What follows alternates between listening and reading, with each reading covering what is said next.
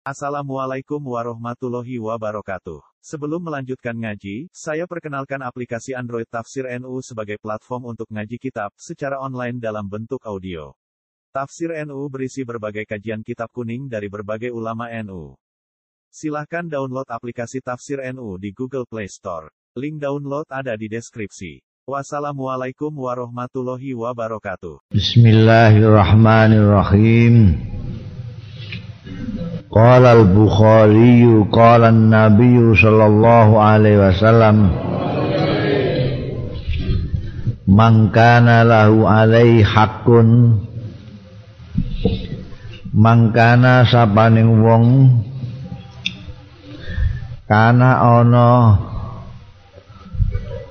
ya man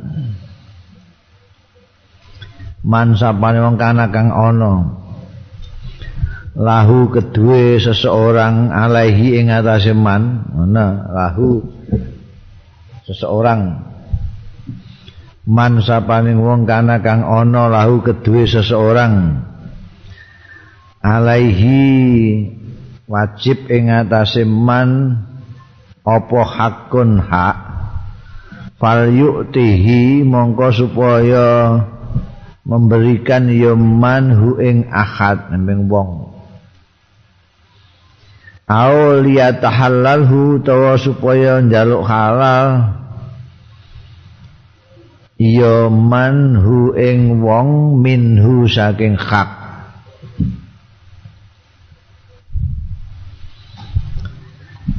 Nek kowe ndek tanggungan apa-apa ning gone seseorang kowe nggawa apane? Nggawa sandale ndang balekno iku wehno nek ora ya njaluk halal. Ya. Jadi hak itu apa saja hak Adam itu nanti itu menjadi ganjalan yang dino akhirat. Mulane ojo ngantek kue kadoan haknya orang lain ndak kamu mintakan halal ya ndak kamu kembalikan. Ya. Nggawa pulpene wong balekno. Nek kowe kemilian kepengin duwe pulpene kancamu ku ya kandhani kancamu ki tak peke ya halalno ya. Harus begitu carane mbok balekno utawa kowe njaluk halal bab nek ora hak adamiku tetep tetep dadi tanggungan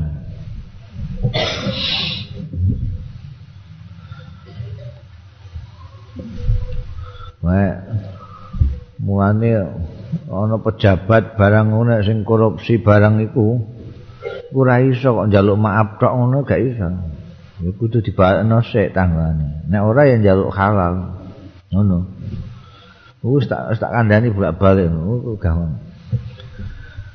Nek sing do korupsi ku kon-kon mbek rakyat ngono nek gak iso balekno kadung entek duwike 5 miliar terus kadung dimplop kabeh.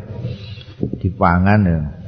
Ya kondo mbek rakyat, wahai rakyat, uangmu yang saya makan sudah habis. Halalkan ya, ngono. Oh, ngono.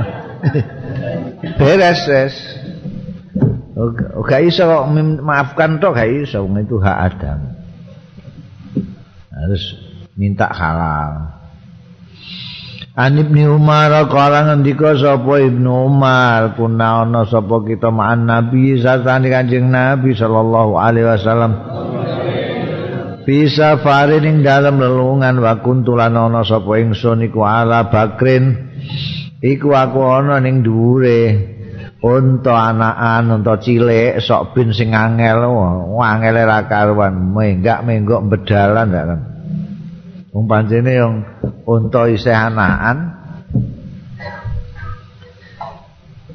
Pakolan Nabi nalika iku ya sine isih isih durung gedhe Ibnu Umar iki Abdullah bin Umar. Nah, numpake kok unta cilik, unta anakan. Pakola mau ngendika sapa Nabi Kanjeng Nabi sallallahu alaihi wasallam. Li Umar marang sahabat Umar, ramane Ibnu Umar. Sing numpak anakan unta mau Kanjeng Nabi ngendika ning bab ramane ya ning Umar. Biknihi iki mbok dol mbek aku ya wis ngono. Sing ditumpaki anakmu Abdullah iki. Nggih pun fatahu mongko mundut sapa Kanjeng Nabi hu ing Bakri niku mau. Sapa Kanjeng Nabi sallallahu alaihi wasallam. Terus ngendika ning gone putrane sing numpaki mau, wa utahi Bakri sing mbok tumpaki iku laka kanggo kowe Abdullah. Ya Abdul ya Abdullah ya Abdullah. Dadi ditumpaki Ibnu Umar. Terus embek ramane dijaluk tak tukune ae ku sekapat Umar nggih pun jangan tumbas pinten dipundhut Kanjeng Nabi terus diwehno wis iku wekmu iku wis dadi wekmu. Wis tak duwiki. Ngono Kanjeng Nabi ku anu karo ya karo bocah-bocah nom itu kan masih muda sekali Abdullah bin Umar waktu itu. Ditukokno unta cilik Anjabir bisa ngerasakno bagaimana kanjeng Nabi Muhammad Shallallahu Alaihi Wasallam hubungannya dengan sahabatnya yang masih sangat belia. An Jabirin saking Jabir radhiyallahu anhu kala ngendika Jabir kala Nabi ngendika sapa Kanjeng Nabi sallallahu alaihi wasallam Mangkanat lahu ardun fal yasraha sapaning wong kanat kang ana lahu keduwe man apa ardun tanah fal yasraha mongko supaya nanduri ya man ha ing ardun. Kowe nek duwe tanah tegalan apa sawah ditanduri.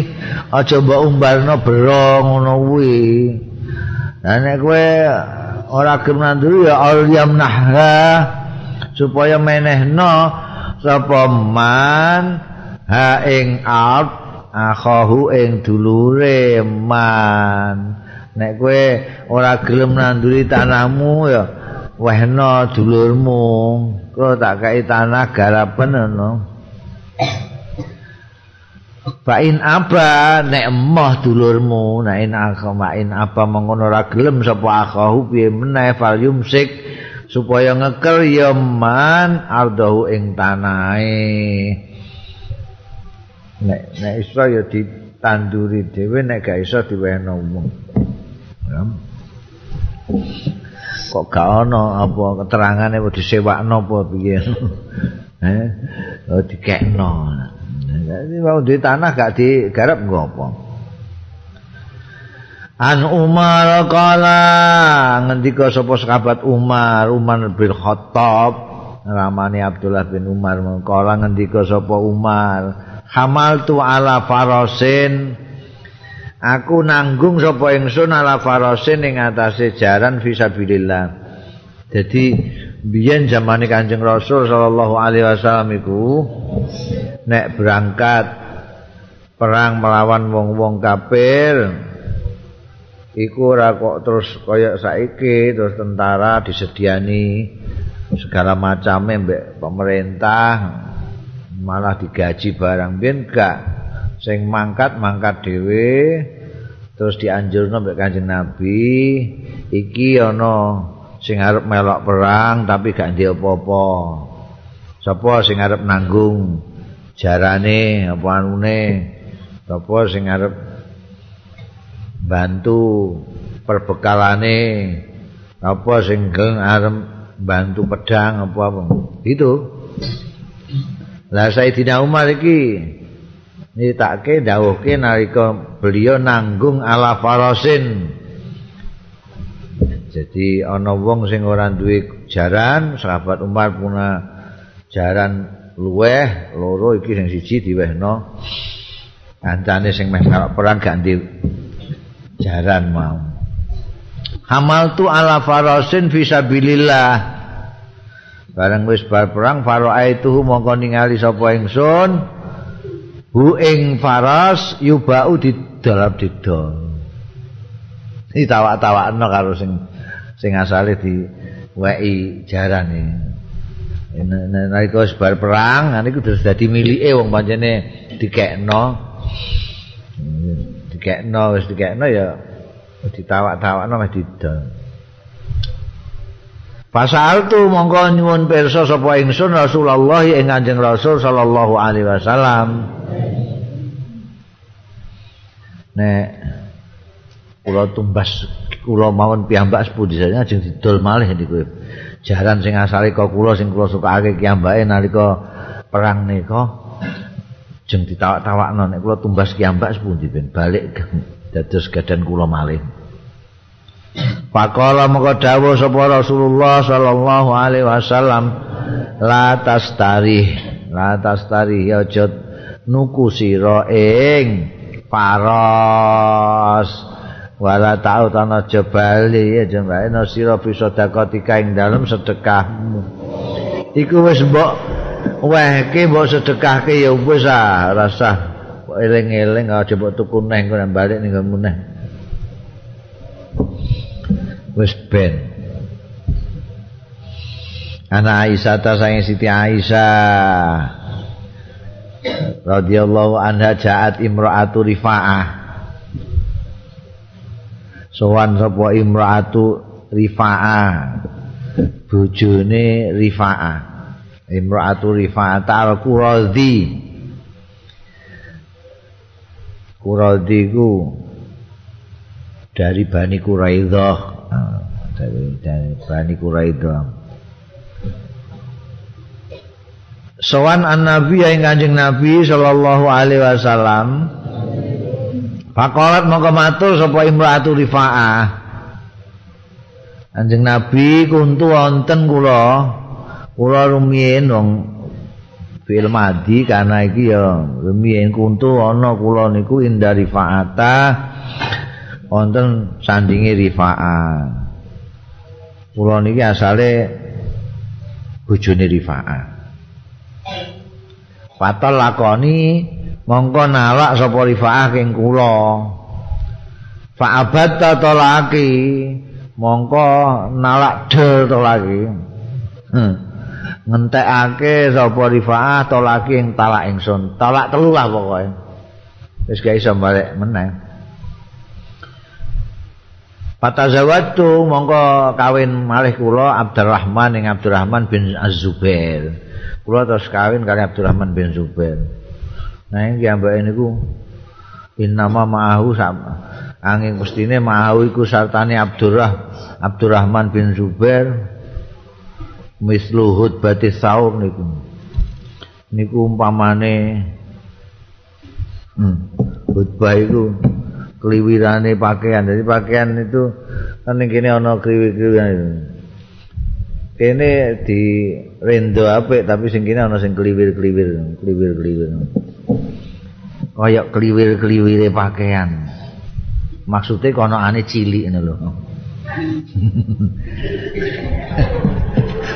Ana kayak kliwir. Kulo kawin karo Abdurrahman tapi kliwir ngono. Pakola moko dawuh sapa Kanjeng Nabi sallallahu alaihi wasallam. Aturidina antarji ila rifaata. Ana ta kowe kepengin karep sira wadon antarji ento bali sira wadon ila rifaata maring rifaah. Kowe apa kepengin balik neh mbek rifaah sing ora kliwir. La ora iso kata tazuki usai latahu. Gak iso ya wong kowe wis dipegat tok del telu ngono ora iso balik kowe ning gone rifaah. Kata tazuki sing ngicipi sira wadon usai latahu ing madune Abdurrahman. Waya zukolan ngicipi sapa Abdurrahman usai lataki ing madumu. Kudu ngono dhisik carane supaya iso bali enen gak is gak oleh. Wong pegatan telu iku talak bain ini gak iso balik kecuali nek wis kawin karo wong liya tur wis iku mau padha saling icip ning mau. Wa Abu Bakar saya Abu Bakar kok malah guyu bocah cilik embang bawah.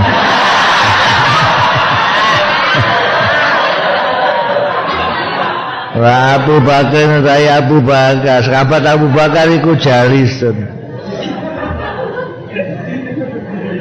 Ayo.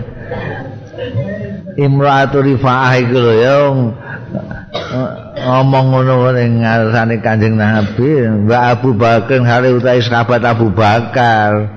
Iku jalisun pinara indawana ngarsane Kanjeng Nabi ono sahabat Abu Bakar barang ora isin ngomong ya Allah. Kanjeng Nabi ora isin mergo ngilmu itu ya, itu hukum itu kan ndak diterangno cetol gitu kan ya. Iku wae wis nganggo bahasane Kanjeng Nabi sing halus tazuki usailata. An Ibni Abbasin. An Abi Abbasin nanging Abdullah bin Abbas. Kala ngendika sahabat Abdullah bin Abbas kala Nabi dawuh sapa Kanjeng Nabi sallallahu alaihi wasallam. Fi binti Hamzata tentang putrine Sayyidat Sayyidina Hamzah. sing nawani kon ngawin Kanjeng Nabi. Oh, rai salat. Lho. Anake paman mboten salat takhilu ora halal li kanggo ingsun. Gak halal iku bintu Hamzah li kanggo ingsun. Ora soal dekne anake Hamzah, tapi yahrumu minar radha ma yahrumu minan nasab. Ora kena mergo sak pesusonan mbek Sayyidina Hamzah Sayyid Kanjeng Nabi iku.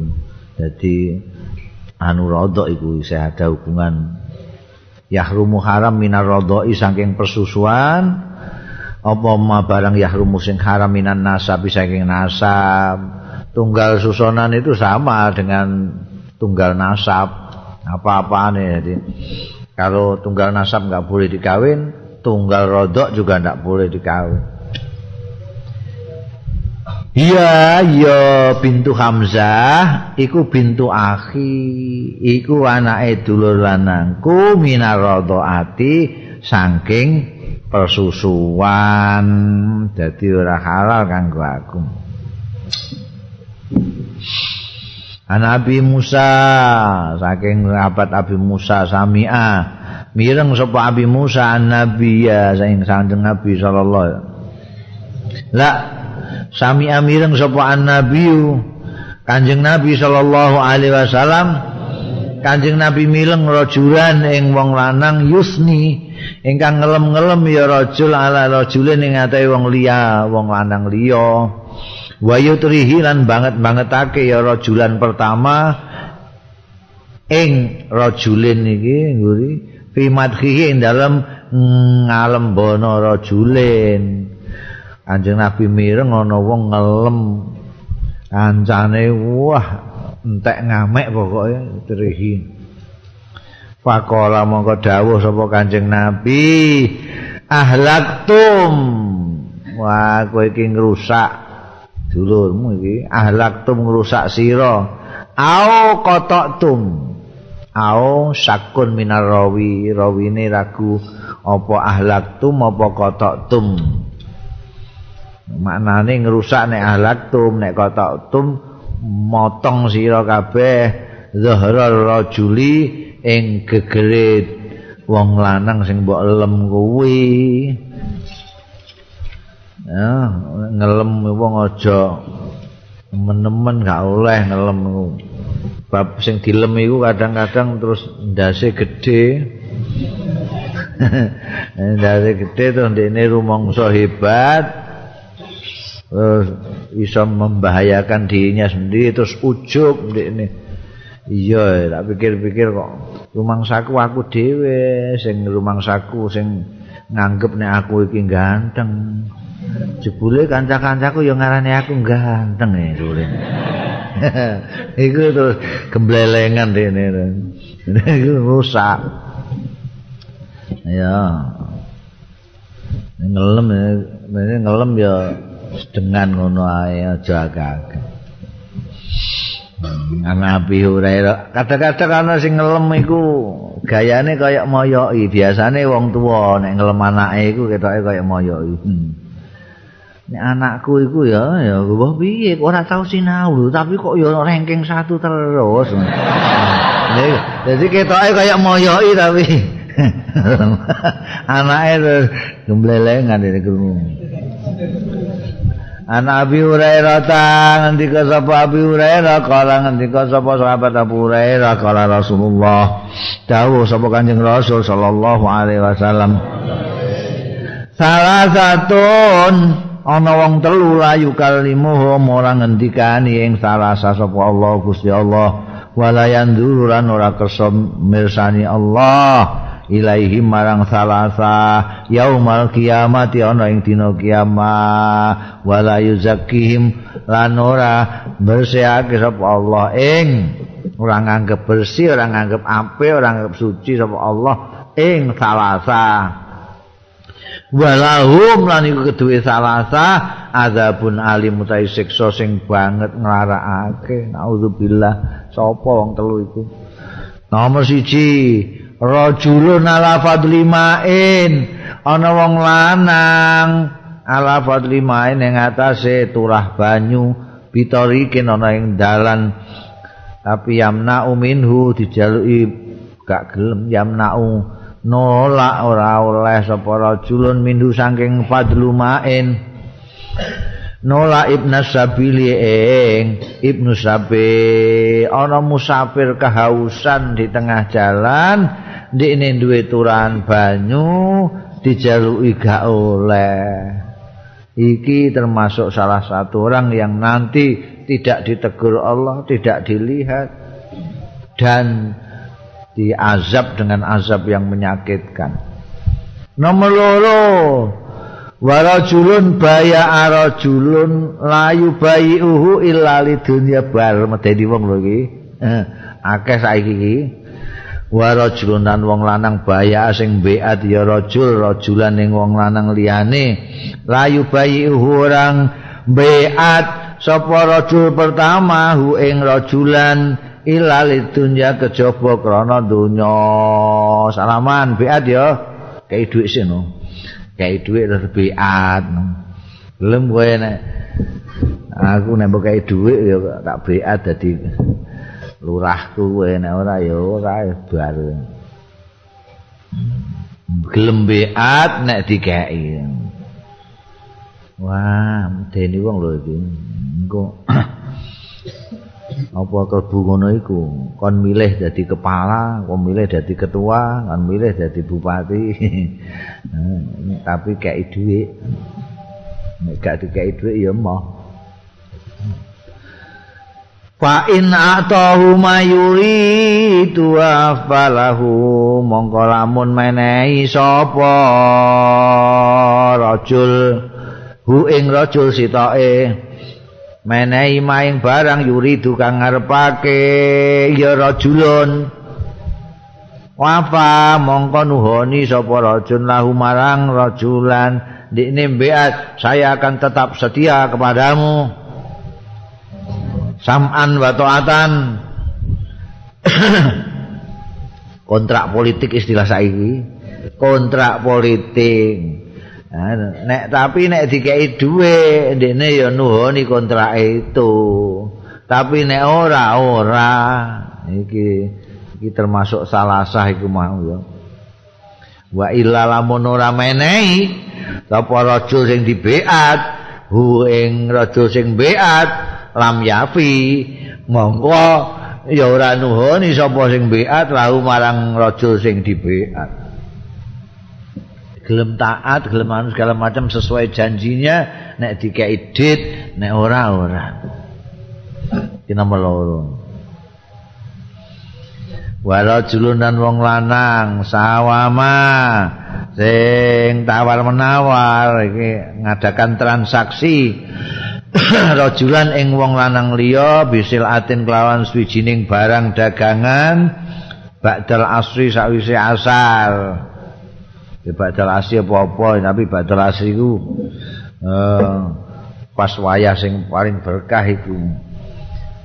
Fakala fa mongko sumpah sapa rajulun bilai kelawan Gusti Allah lakot aktobia teman-teman mus menehake ya rajul biya kelawan silah kada ing semene wa kadaran semene. Fa akhadha mongko ngalap sapa rajulan? Ha ing silah mergo percaya. Iki mau mono ya tunggale iki wis dituku karo dulurmu kono iku. Ya 550 ada regane mok 100 sumpah-sumpah demi Allah ya demi Allah.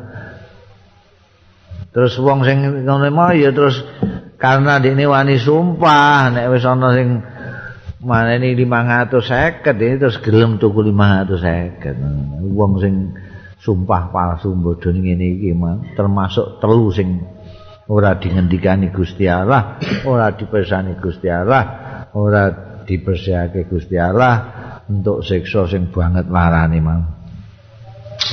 Bunda anak Isata saking Sayyidatina Aisyah zaujin nabi garwane kanjeng nabi sallallahu alaihi wasallam. Kalat ngendika sapa Siti Aisyah kana ana sapa nabi kanjeng nabi sallallahu alaihi wasallam. Ida arada tatkala ngersakake sapa kanjeng nabi ayah ruja yen to miyos kanjeng nabi safaron ing tindakan. Kanjeng nabi nek arep tindakan akroa mongko ngundi sapa kanjeng nabi baina azwaji antarane garwa-garwane kanjeng nabi. Sapa sing arep nderek iku di undi garwa-garwane kanjeng nabi. Payu tuhunna mongko ayatuhunna mongko ndi azwajihi kharaja sing metu apa sahmuha undiane.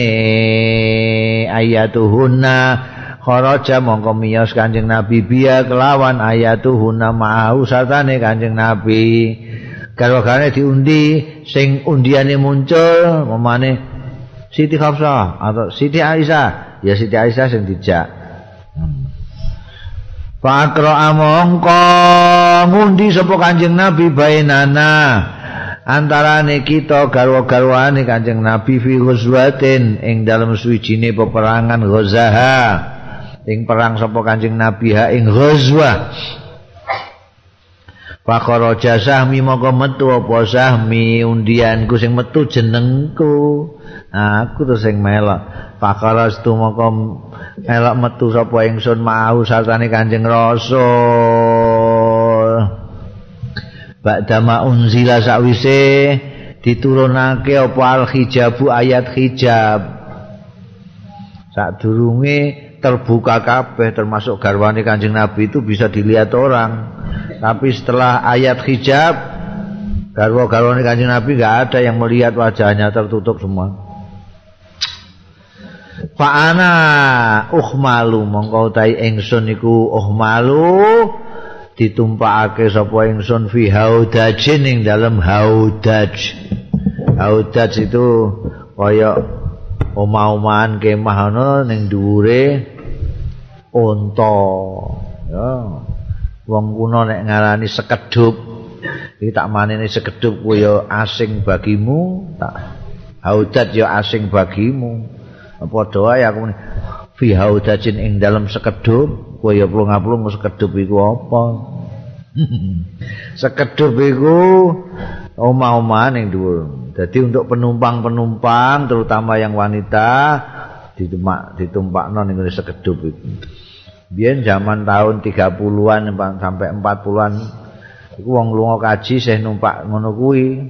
Kabare ke Mekah ning gone Madinah numpak unta ada numpak ning sekedup iku.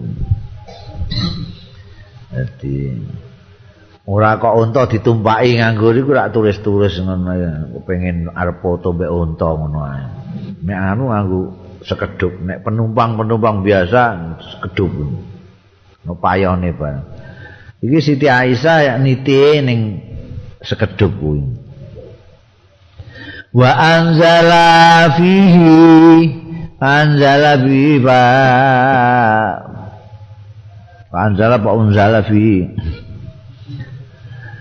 Monggo didono sapa ingsun fihi ing dalem sekedup mau fasil fasirna mongko berangkat kita hatta. Sehingga idza faraga tatkalane rampung sapa Rasulullah Kanjeng Rasul sallallahu alaihi wasallam min ghazwati saking peperangan Kanjeng Rasul tilka ya mengkono-mengkono perang. Yang dimaksud itu setelah selesai wa qafala lan kondur Kanjeng Nabi wa danauna minal Madinah lan wis parek kita minal Madinah sing Madinah.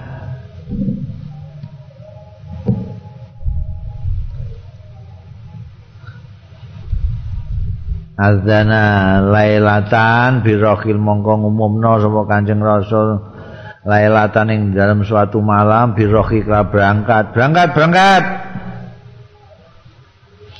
Pakum tu mongko ngadeg sapa ingtung jumeneng sapa ingsun khina azanu. Nalikane padha ngumumna sapa wong-wong berangkat berangkat berangkat. Rombongan pirang-pirang pasukan iku begitu dikomando berangkat Kanjeng Rasul apa itu berangkat berangkat berangkat. Terus didhawuhi berangkat Azanu birokhil Aku nalika iku ngejumeneng Famasa itu mongko mlaku sapa ingsun kata jawastul jais sehingga ngliwati sapa ingsun al jaisa ing pasukan. Aku ana keperluan lah kok hajat aku. Falamma kode itu sakni mongko bareng us menyelesaikan sapa ingsun sakni ing urusan ingsun aku uh, wis rampung hajatku akbal tu ilal rahli mongko aku bak madhep ila rahli maring kendaraanku tumpakanku. Tapi durung tekan falamas tu sodri aku pas ngrayangi ngrayangi sapa ingsun sodri ing dadaku faizan ikdun li dumadaan kalung li keduwe ingsun min jaz'i azfarin jaz'i azfarin utawa sing populer zifar iku Zifar itu daerah ning Yaman, daerah Yaman. Kalungku saka merjan Zifar, saka merjan Azfar ning kene ya maca Azfar ngono ae lah. Nek sing ning Yaman ini terkenal merjannya itu Zifar. Kalungku saka merjan Zifar itu kok dingkoto ah ternyata teman-teman putus Apa anu mendeli faro jatuh. Apa putus faro jatuh mongko aku bali nelusuri aku mau kondi. Patamas tu mongko goleki sapa ingsun ikdi ing kalungku. Pakabasani mongko nahan ing ingsun apa ibtihu ibtighuhu goleki ikdi. Tertahan wong-wong wis do rame berangkat aku sing goleki kalung fa'aqbala ladzina yarhaluna mongko madhep sapa wong-wong yarhaluna sing budalake ya ladzina bi kelawan ingsun. Dadi nek ontan-ontan sing nganggo sekedup isine wong wedok iku mesti ana sing nuntun dhewe ngono ambek yalil-yalil nah iki ana sing bagian ngunggahke sekedup sekedup itu iso diangkat, iso diengko nek wayahe apa jenenge istirahat, mampir di mana gitu, istirahat di mana, didono sekedep itu dari punggungnya unta. Untane iso apa ngeramban ning ndi, kenekane iso dinggo kemah-kemah sing numpaki gitu loh. Nah iki orang-orang yang ngangkat ngedono sekedup iki wis madhep ning gone nggone untane mau. Sing dititi Sayyidatina Aisyah fa aqbal alladzina yarhaluna bi lawan ingsun fahtamalu mongko ngangkat ya alladzina haudaji ing sekedupku diangkat. Nah, di dosok kembali dipasang ning gone punggungnya unta farohaluhu mongko berangkatno ya alladzina hu ing apa jenenge? Haudaji diangkat ning gone. Anu ala bairi dipasang ya eh ala bairi ing atase unta ingsun ala dikuntu kang ana sapa ingsun iku alkabu numpak sapa ingsun wa hum utahi alladzina iku yahsabuna padha nyono kabeh ya alladzina anis tune ingsun iku fihi iku ana ning ngene haudaji rumangsane aku ning jero kono Bapak gak krasa kono. Wa kana nisa ulan ana apa anisa wong-wong wedok idza kanalika semono.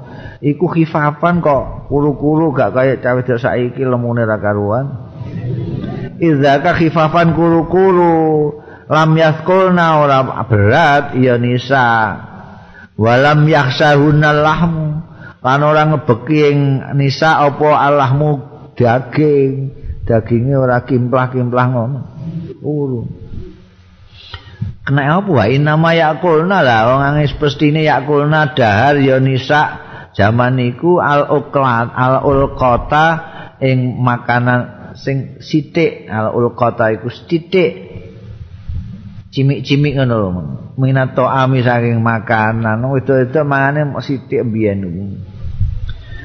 Palas, palam yastangkil mongko ora Angkling ya tangkil apa al kaumu kaum tegese antarane ana isine mbek ora ana isine barang itu tidak ngah itu loh. Karena perempuan pada waktu itu apalagi Siti Aisyah kan baru berapa umurnya? Belasan apa ada. sangat ringan sekali, enggak kroso gitu loh. Palam yas tangkil mongko ora kroso sapa al kaumu kaum khina rafa'u nalika ngangkat dikala haudaji ing bobote haudaj. Beratnya haudaj ini tidak terasa apakah beda dengan tadi. Terus langsung fahtamaluhu nae mongko ngangkat sapa kaum hu ing haudaj angkat ning gone unta mau dipasang. wa kuntulan ana sapa ingsun iku jariatan bocah wedok hadis atas sini sing isih enom umure Fabasu mongko ngrigahake sapa kaum mau al jamala ing untane ngono ngadeg dhewe unta iku. Wasaru ba'asu iku ngono unta dhewe ngadeg mergo dengkule telu. Ngene dengkul dengkule dobel-dobel unta iku. Di dibangkitno ba'su nganggo teknik indah. Wasaru lan berangkat ya kaum. Bareng mereka sudah berangkat bawa jatuh mongko nemu sapa ingsun ikdi ing kalungku lagi ketemu kalungku. Ba'da mas tamarro sakwisi ento berangkat Sopo al jaisu pasukan. Pajik tu mongko nekani sopo ingsun manzilahum Ing tempat pemberhentiane jes mau Walai safihi lan ora ana fihi ing dalem manzilahum sapa akadun wong suwiji. Bengi-bengi kok gak wedi ya Ti Aisyah. Padahal je belasan tahun hadis sini. Balik sepi nyenyet gak ana sapa-sapa.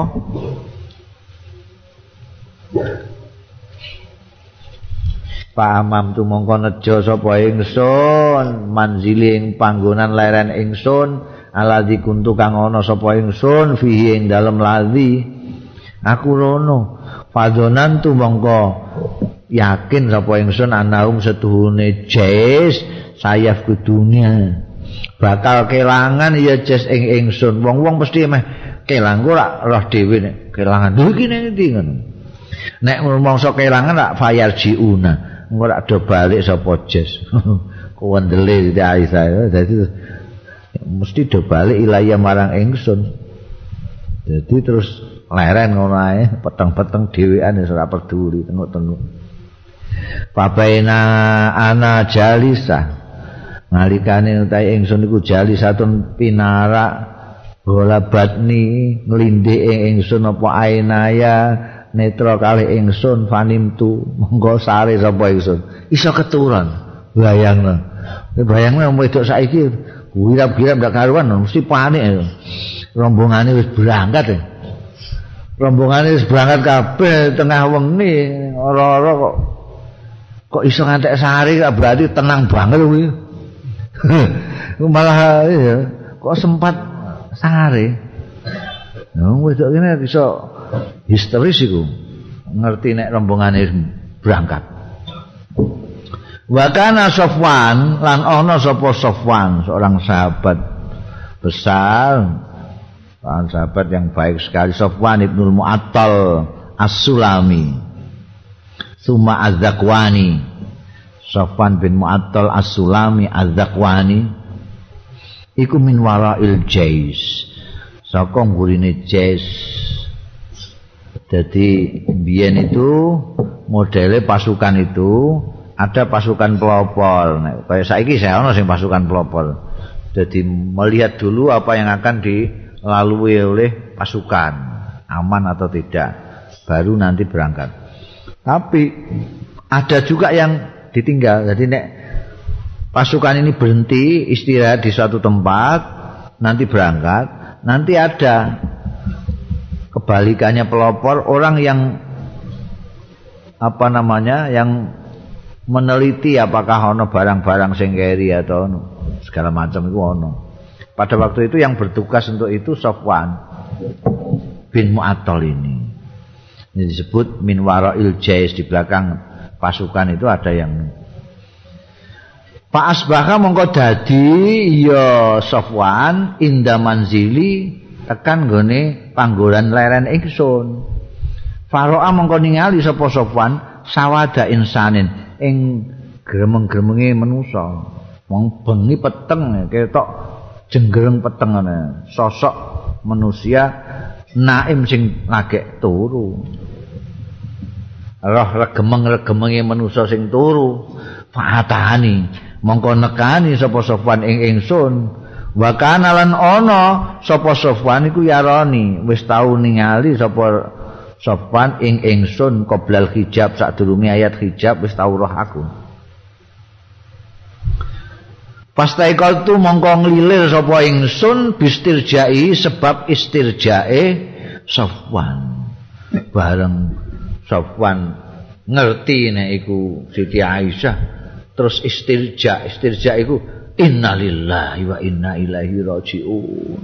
Ya iki kok Sayyidatina Aisyah. Garwane Kanjeng Rasul. Mergo innalillahi buanter.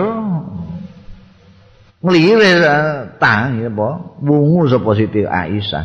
Hatta ana kharahilatahu sehingga deprokno sapa Sofwan rahilatahu ing ontane Sofwan dhewe. Fawati ayadaha mongko ngidai sapa Sofwan yadaha ing sikil ngarepe unta. Carane nek arep apa jenenge? Deprokno unta itu indai dengkul sing sebelah bawah iku. Muga dengkule dobel unta. Ini mbok indai ini mengisar kren parakib tuha mongko numpak sapa ingsun niti sapa ingsun ha ing rohilatahu Pantolako mau kebudalan sapa Sofwan ya kudu ngiring bi kelawan ingsun. Nanti Siti Aisyah nitih rohilae apa ontane terus sing nuntun Sofwan hatta atainal jais sehingga nekani kita al jaisa ing rombongan pasukan mau ba'da manazalu sakwise padha mudun sapa jais muarisin hale beranu berkemah lah beristirahat kabeh. Fi nahri dhahirati ing dalem tengah panase awan. Mereka sedang berhenti istirahat kita sampai pahalaka man halaka monggo rusak sapa man wong halaka rusak. Rame mulai wah berduaan ya. Gue weker rusak iki rusak. Falaka man halaka Wa kana allazi lan ana sapa allazi tawalla sing nangani al ifka ing gosip. Jahat iku gosip jahat iku. Sapa? Iku Abdullah bin Ubay bin Salul iki wis gaweane iki Abdullah bin Ubay bin Salul ini seorang munafik bahkan rajane munafik ning Biyen Abdullah bin Ubay bin Salul iku ya wong apik. Meh wae dadi pimpinan ning Medina. Ning Medina kan enggak pernah damai itu, selalu geger antarane dua kabilah besar, Aus sama Khazraj. Abdullah bin Ubay bin Salul iki saka Khazraj dengan kepandiannya bicara, manisnya dia ngomong, akhirnya dia bisa ngambil hatinya orang-orang tidak hanya Khazraj tapi Aus. Dia mau dijadikan pimpinan di Medina. Wis kita wis meh kasil ngono ya. Kari-kari kedatangan wong-wong krungu nek ana Kanjeng Rasul sallallahu alaihi wasallam. mereka pada datang dan mempercayai Kanjeng Rasul dibawa ke Medina Kanjeng Nabi sing dadekna pimpinan wen wong-wong. Itu ondok-ondoke iku disimpen ning jero atine Abdullah bin Ubay bin Salul selalu mencari kesempatan bagaimana menusuk dari belakang. Iku Abdullah bin Ubay bin Salul rajane munafik. Nek ning gone kumpul-kumpulan ya melok kumpul-kumpul. Kumpul ya cedak Kanjeng Nabi ngono. Sing ngerti ya Kanjeng Nabi. Putrane namanya sama Abdullah Junior. Itu itu muslim yang taat, eh, pengikuti Kanjeng Rasul sallallahu alaihi wasallam. Mukmin sejati, bapake munafik. Bareng ngerti Sofwan bin Mu'attal nuntun unta dhuwure sing nitih Siti Aisyah. Wah, beneran Abdullah bin Salul. Untuk garapan ini. Wah, terus haha ngono terus yang gue ning Beker terus mulai merebak yang jenenge ifku itu, gosip itu sing ini. Faqadimnal Madinah. Faqadimna moko neka tekan kita al Madinah ta ing Madinah pastaka itu dilalai tekan ning Madinah mbah mergo sare bengi-bengi ning ora-ora iku mbah piye pastaka itu mongko ngeluhno sakit sapa ingsun?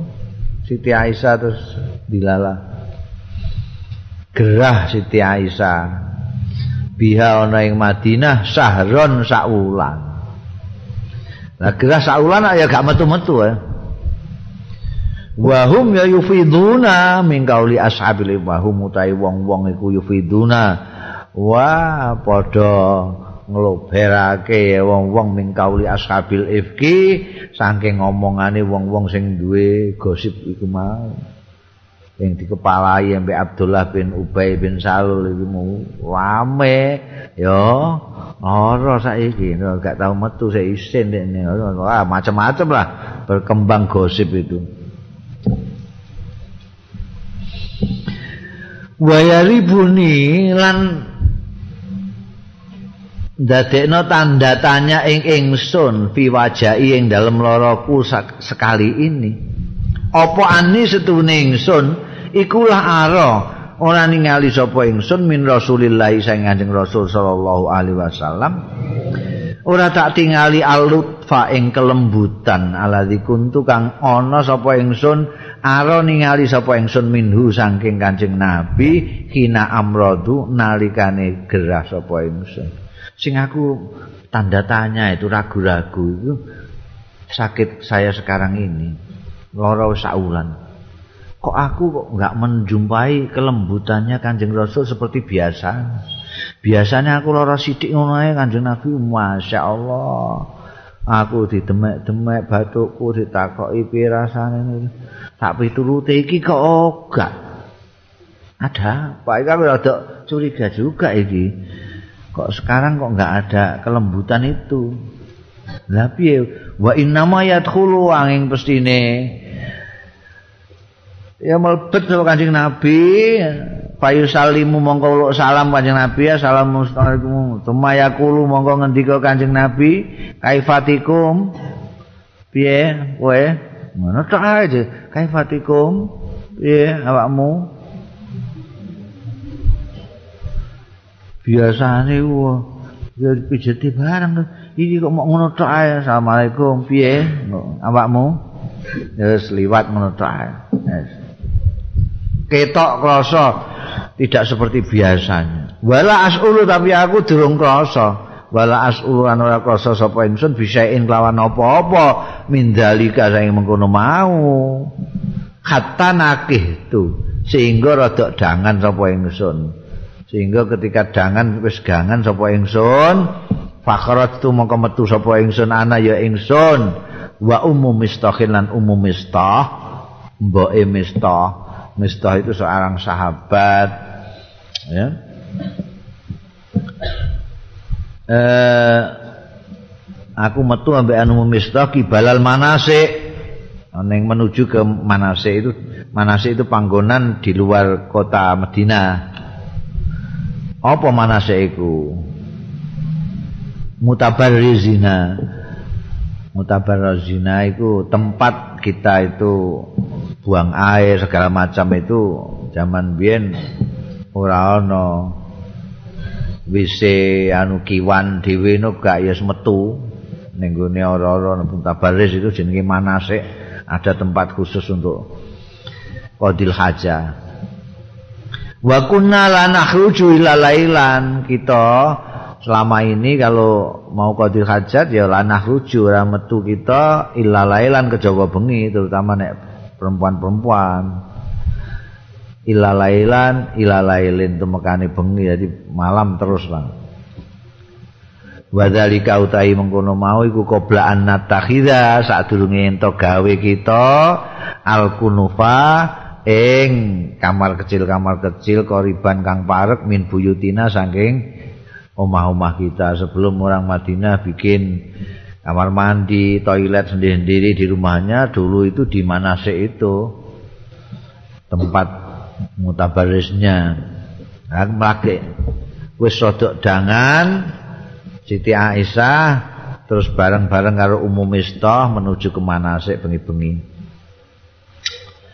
eh wa amruna wa amruna amrul arab. Utahi perkara kita iku amrul arab kaya perkarane wong arab al awal kang pertama fil bariyati ing dalem ora-ora au fitanazui utawa ing dalem ngadoh.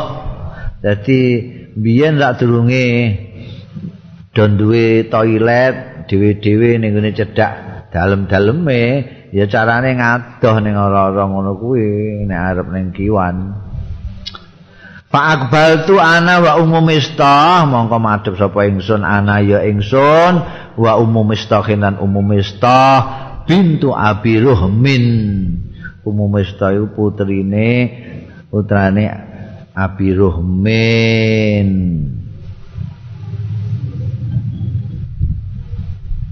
jenenge dhewe iku umum mistah iku mbok mistah mergo mboke mistah asmane dhewe Salma umum mistah kuwi. Salma binti Abi Ruhmin. Ana wa umum mistah namsi mlaku kita Pak Asarat. Pak Asarat mongko keserimpet sapa umum mistah fi mirtiha ing dalem Cara kene ya jari ya, jari. Ini pakaian pakaiannya itu on kesribet gaunnya akeane umumista kesribet pakolat mongko muni sapa umumista tak isa mista tak isa mista mergo anu apa jenenge latah keserimpet iku nek ana keserimpet sing eh jaran ana sing ngono Eh, lagi kok terus barang kesebut tak isa mistah. Cilaka mistah. Padahal mistah iki anake. Lah aku terus fakultu, iki dawuh Siti Aisyah, fakultu aku terus ngendikan lah maring umum mistah. Sama kulti kok elek temenan ucapanmu, kulti ngucap sampean.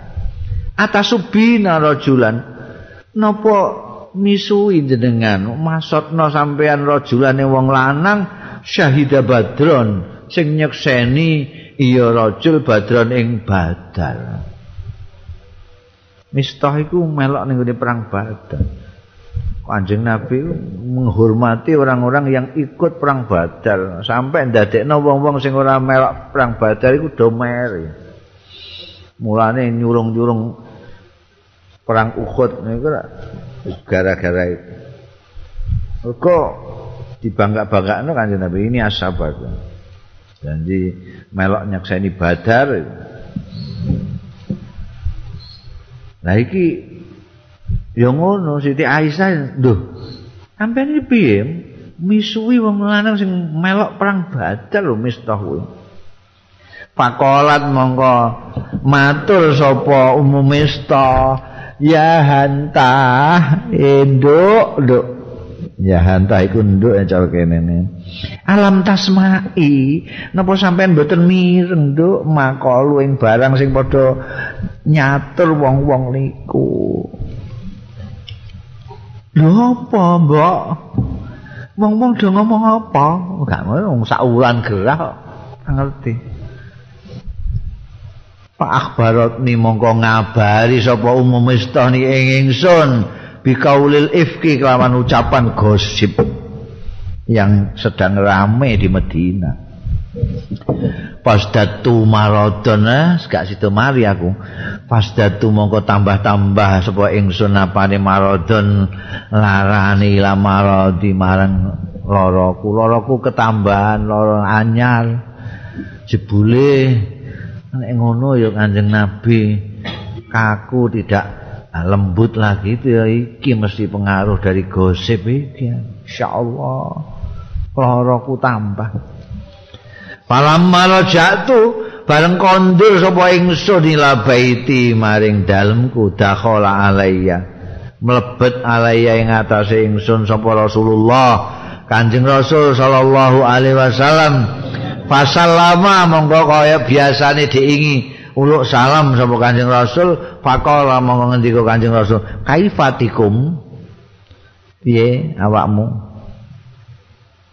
Fakultu monggo matur, saiki sing ngerti aku, fakultu monggo matur sapa ingsun.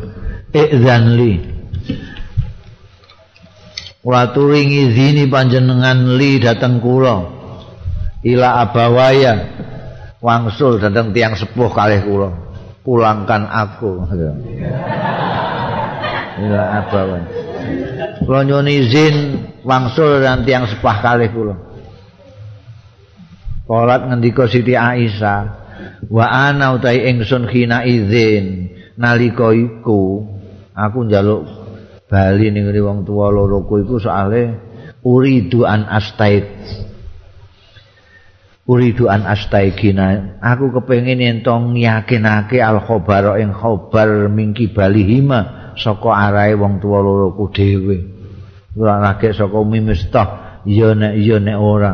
Aku ameh konfirmasi ngecek ning gone wong tuaku loro. Fa azina mongko ngizini. Limarang ingsun sapa Rasulullah Kanjeng Rasul sallallahu alaihi wasallam. Dilalah aku diizini Kanjeng Nabi. Ya sah Fa'ata itu monggo nekani sapa ingsun abawaya ing wong tuwa loroku sekabat Abu Bakar. Bapake. Fakultu mongko matur sapa ingsun li ummi marang mbokku, marang ibuku. Ma ya tahaddasu binnas niku napa, Bu? Ya takaddasu sing nyatur membicarakan bihi kelawan mas apa anasu tiang-tiang. Tiang-tiang niku ngomong napa Bu? Pakola mongko dawuh sapa Umi. Ibuku jawab dawuh ya binti he anakku wedok hawini tenang-tenang kowe he. Hawini ala nafsiki. Tenanglah ngatasi awakmu itu ya. Hawini ala nafsika asakna ing urusan iki urusan ora sambok gawe serius ya tenang tak wis. Fa wallahi mongko demi Allah lakal lama kanat yekti sithik banget kanat ana sapa imraatun wong wedok kotu babar pisan wadiatun sing ayu indara julin ana ing sandinge wong lanang yuhibuha sing menyintai ya rajul walahalan iku keduwe imro'ah dara iru tawi maru-maru. Illa aksarna. Kejaba ngekeh-ngekehake ya dara ir. Alaiha ing atase imro'ah tenang lah wis santai nduk. Aja mbok gawe anu serius wis biasa. Ora ana pidik banget ana wong wedok wayu dicintai bojone duwe maru pirang-pirang mesti maru-marune iku ya do piye carane jatuhno ngono rak biasa ya nduk. Fakultu subhanallah. Walakad yatahaddatuna dadi pancen saestu. Dadi ora dipikir apa ngerem-ngereme ibune tapi ternyata benar balakot ya tahaddas teman-teman ngomong sapa anas manusa biasa dados tiang-tiang niku pancen nggih bakas ngeh kula niku ngaten nggih. Kolat ngendika sapa Siti Aisyah fabitu mongko nginep sapa ingsun tilkal lailata ing bengi kuwi? Hatta asbahtu sehingga isu-isuan sapa ingsun. Layar fa'li damun ora pegot li kedue ingsun apa damun air mata air mataku tak putus-putus sampai pagi. Wala aktahilu binaumin. Lan ora celaan sapa ingsun binaumin kelawan turu. Blas. Didulit sithik turu. Iktihal iku asale kan celaan cilik artine turu sak dulit ini gak blas gak tuh gak mandek nangis gak sare. Nah bayangno iku. Garwane Kanjeng Nabi digosipno karo anak buahe kok Suma asbahtu mongko isu-isuan sapa ingsun. Badaa mongko nimbali sapa Rasulullah Kanjeng Rasul sallallahu alaihi wasallam.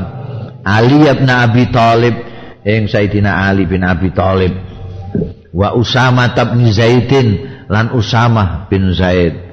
Ini orang-orang dekatnya Kanjeng Rasul sejak awal itu karena Sayyidina Ali ini putranya pamannya yang ikut kanjeng Nabi sejak kecil. Usamah juga gitu. Dipanggil khinastal bata al wahyu nalikane gak teko-teko apa al wahyu wahyu tal basa itu rendet. Ana wahyu-wahyu sudah sebulan lebih sebulan lebih gosip tambah santer angger dina Kanjeng Nabi mireng ana wong gosipno garwane bayangno kuwi. Dadi terus ditimbali Sayyidina Ali kalau Usama yastasiruhuma rembukan sapa Kanjeng Nabi njaluk rembuk Kanjeng Nabi huma ing Ali lan Usama. Fi firaqi ahli ing dalem misai bojone garwane Kanjeng Nabi piye nek tak pisah iku piye. Dadi timbangane rame diramekno ngene. Pak amma Usama tu ana dene Usama. Fa asyara alaihi mongko menehi pendapat sapa Usama alaihi ing atase Kanjeng Nabi. Billazi ya'lamu fi nafsi kelawan perkara ya'lamu sing ngerti sing pirsa sapa Usama fi nafsi ing dalem awak dhewe Usama. Eh binafsi ing dalam awak dhewe ning sama. Minal wudi saking cinta lahu marang keluargane Kanjeng Nabi. Ahli. Pakola mengko dawuh sapa Usama? Usama jawabannya seperti apa yang dia ketahui tentang bagaimana cintanya Kanjeng Rasul kepada keluarganya. Pakola Usama tu mongko matur sapa Usama bin Zaid ahluka ya Rasulullah. Menika ahli panjenengan. Garwa panjenengan ya Rasulullah. Wala na'lamu lan boten ngertos kula wallahi demi Allah illa khairan kejawi sae. Wong ahli jenengan kok badhe macem-macem kados sing dikon gosipaken boten mungkin. Wa amma aliyun ana dene Sayyidina Ali faqala mongko ngendika Sayyidina Ali. Ya Rasulullah Duh Kanjeng Rasul lam yudayikillah. Mboten ngrupekake sapa Allah Gusti Allah alaika ing ngatasi panjenengan. Wanisa utayo wedok-wedok siwaha. Liyane Siti Aisyah kafir kathah.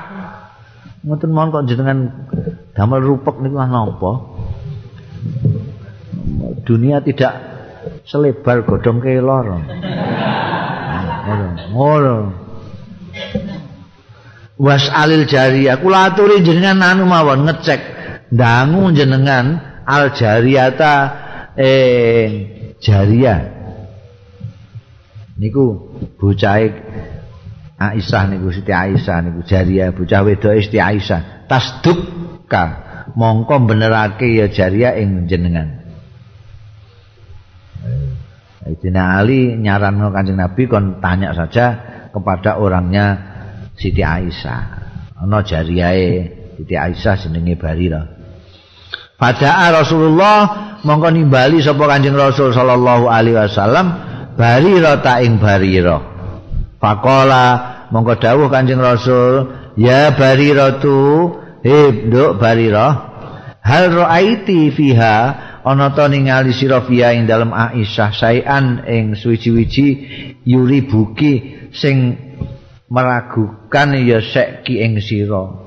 Kowe apa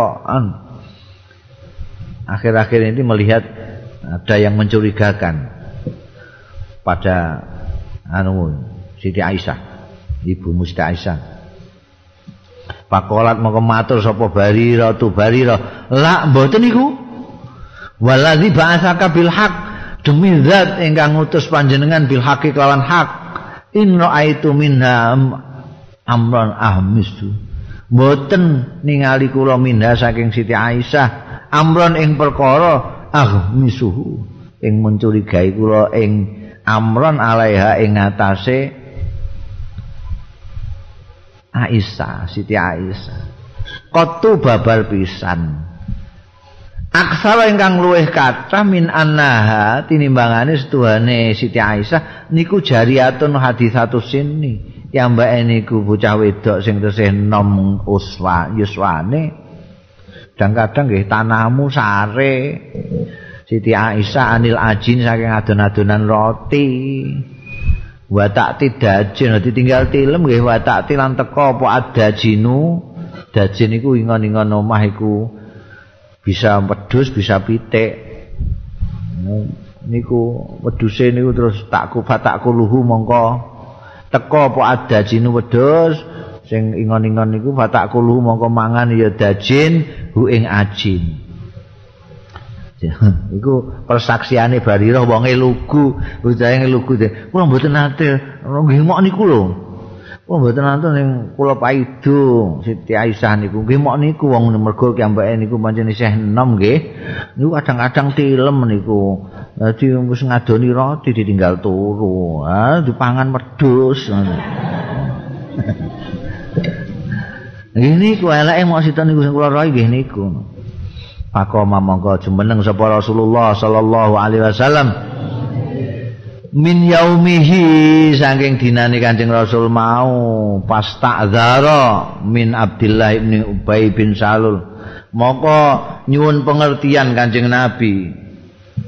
Minta supaya akan melakukan apa-apa terhadap min Abdullah bin Abay bin Salul saking Abdullah bin Ubay bin Salul. Ini sing memulai gosip isu yang tidak-tidak itu Abdullah bin Ubay bin Salul Kanjeng Nabi kepingin minta pada sahabat-sahabatnya kalau akan melakukan tindakan kepada Abdullah bin Ubay bin Salul ini bagaimana kira-kira mereka mau mengerti apa enggak pas itu mengizinkan apa enggak Faqala Rasulullah mongko dawuh sapa Kanjeng Rasul sallallahu alaihi wasallam. Ya maksaral muslimin. Eh wong-wong Islam kabeh. Mayyadzuruni sapa sing ngizinkan sing memberikan pengertian ing ingsun fi rajulin ing dalem memberi tindakan kepada wong lanang balagoni sing sampe ing ingsun apa azahu anggone nglarakake rajul fi ahli ing dalam keluargaku. Siapa yang kira-kira bisa mengerti kalau saya menindak orang yang saya dengar dia telah menyakiti keluargaku. Fawallahi mongko demi Allah ma'alim tu ora tau weruh sapa ingsun ala ahli ing atase keluargaku illa khairan kejaba bagus. Wakat zakaru lan teman-teman do nyatur do nutur wong-wong rajulan ing wong lanang ma'alim tu kang ora tau tumon sapa ingsun alaihi ing atase rajun illa khairan kejaba bagus. Maksudnya Sofwan mereka menyebut-nyebut istriku ada main dengan laki-laki. Ada laki-laki yang disebut-sebut itu saya tidak pernah mengenalnya kecuali baik orang yang baik. Wa maka kulan ora ana ya rajul yadkhulu melbu ala ahli ing atase ahli ku ilamai kejaba sartane ingsun. Ora tau melbu omahku, melbu ning keluargaku kecuali bareng aku ora tau. Fakoma monggo jumeneng sapa Sa'd bin Mu'ad, Sa'd bin Mu'ad. Ini orang orang Ansor jadi orang Madinah sama dengan Abdullah bin Ubay bin Salul. Pakola mongko matur sapa Sa'ad bin Mu'ad. Ya Rasulullah, ana wallahi. Kula Anjing Rasul, wallahi demi Allah, a'dziruka. Beri izin saged ngertos kula ing panjenengan minhu saking tiang niku wau sing gawe gosip niku. Rajulin Ingkana minal aus dorobna ora disebut asmane ya nek disebut Abdullah bin Ubay kana taruhan Ayo kan Nabi nyebut rajulin. Ingkana lamun ana sapa rajulin ana iku minal aus. Saking aus dorobna unukahu kula mangke sing ngantem gulune. Rajul.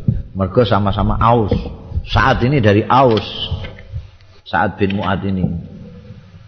Oh, tak kandakno ning ning gone Madinah itu Ansor itu terdiri dari dua kelompok besar, Aus sampean sampean Khazraj. Pun kan Nabi pulang di sini. Niku tiang menapa niku? Nek tiang Aus kula mangke sing wepuk gulune. Wa in kana min ikhwanina lan menawi wana wa in lamun ana sapa rajulin iku min ikhwanina saking derek-derek kita minal khazrat saking khazrat yen jenengan amartana perintah mau jenengan teng kula fa'alna mongko nindakake kita fihi ing dalem rajul niku amrakain perintah panjenengan. Nek aus pun merai kula mangke tapi nek khazrat sing khazrat nggih angger jenengan sing mutus nggih kula laksanakake. Pakoma Sa'ad bin Ubadah. Disebut-sebut Khazrat penggede Khazrat gak terima mulai meneh. Apa fanatisme kabilah ya? Pakoma mongko ngadeg sapa Sa'ad bin Ubadah.